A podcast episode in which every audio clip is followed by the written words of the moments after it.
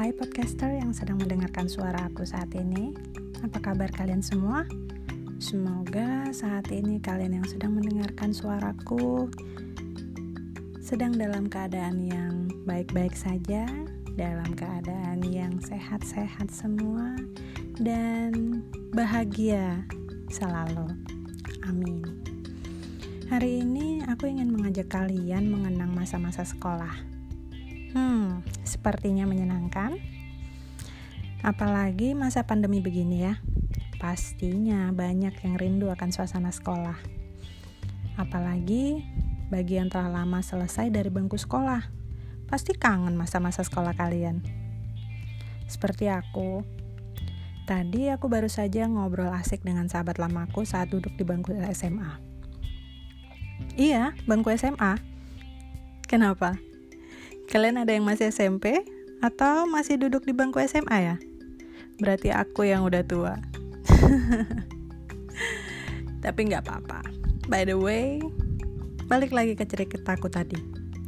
Jadi, mengenang masa-masa sekolah itu tidak terlepas dari mengenang guru-guru saat kita masih sekolah.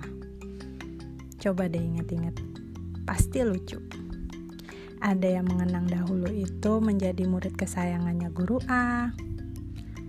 Ada yang menjadi bulanan-bulanannya si guru B. Yang sering kena panggil ke ruang BP. Dan lain-lain ceritanya. Tapi sadar gak sih, semua itu menjadi pelajaran dan memori yang sangat berharga saat kalian sudah tidak duduk di bangku SMA lagi atau di bangku sekolah apa pun. Ya, seperti aku saat ini. Ada kalanya hal yang dulu kita alami saat di sekolah menjadi cambuk atau dorongan berharga yang membuat kita jadi seperti ini. Jangan dipikir yang masih belum memiliki pekerjaan yang bagus itu berarti kenangan sekolahnya adalah buruk. Bisa jadi kenangannya itu sangat indah, namun, karena terlalu terlena dengan keadaan serta pemikiran-pemikirannya yang sempit atau mungkin bahkan terlalu luas, membuatnya sulit mendapatkan pekerjaan yang baik. Aku ingat banget, dulu aku itu paling gak suka menghafal hal-hal yang berkaitan dengan hukum dan undang-undang kalau udah disuruh nih maju hafalan pasal-pasal dalam Undang-Undang Dasar 45, pasti yang paling terakhir.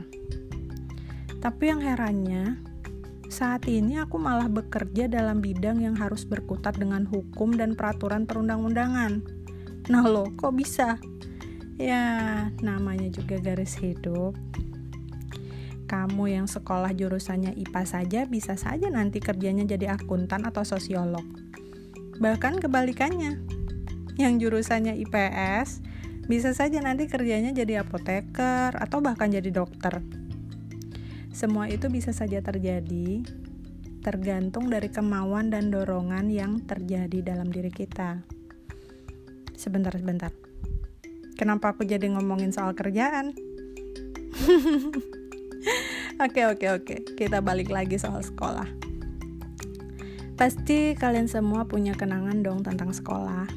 Dan pernah nggak sih saat kalian ketemu guru waktu sekolah dulu, terus kalian ngucapin terima kasih kepada mereka? Pernah nggak? Mungkin ada yang pernah, dan mungkin juga ada yang bilang nggak pernah.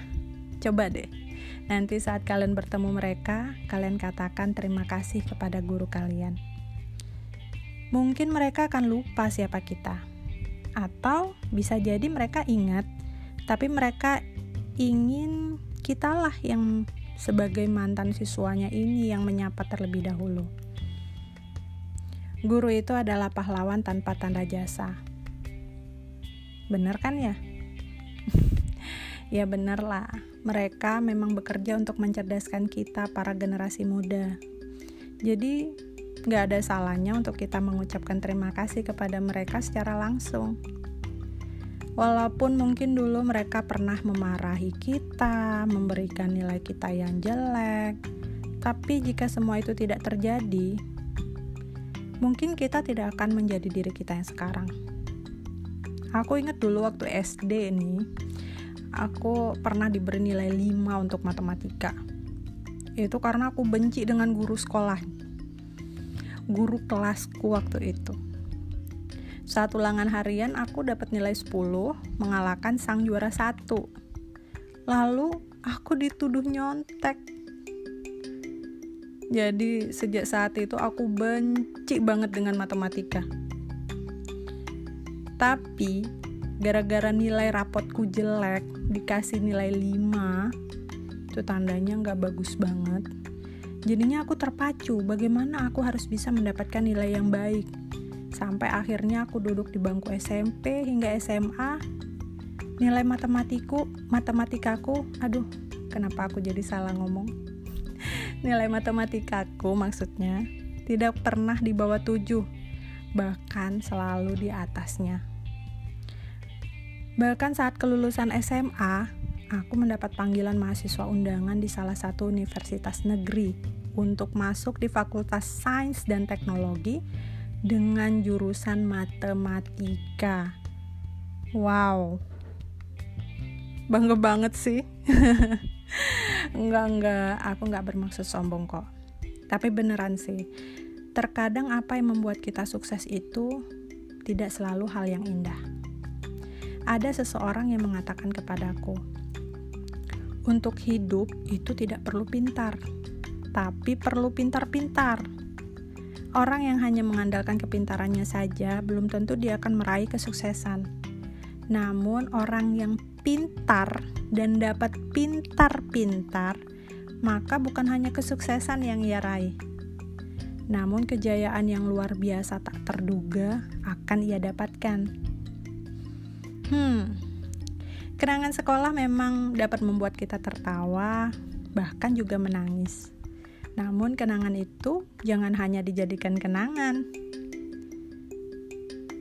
Coba deh direnungi, apakah saat ini kenangan itu sudah membuat kita menjadi manusia yang lebih baik, atau menjadi lebih buruk dari sebelumnya. Jadi, kalau lagi ngobrol sama temen tentang sekolah, jangan melulu ngomongin soal pacar, cewek, cowok, atau hanya sekedar menggunjing guru-guru sekolah. Jadi menertawakan mereka. Tapi tariklah hikmah dari semua kenangan itu. Maka kita akan semakin mengerti dan bahkan sangat berterima kasih dengan kenangan itu. Oke deh, mungkin saat ini cerita tentang kenangan sekolah cukup sampai di sini dulu ya. Nanti lain kali di podcast yang berikutnya aku akan mengajak kalian bercerita tentang hal-hal yang lain lagi. Terima kasih untuk yang sudah mendengarkan aku. Sampai jumpa. Bye.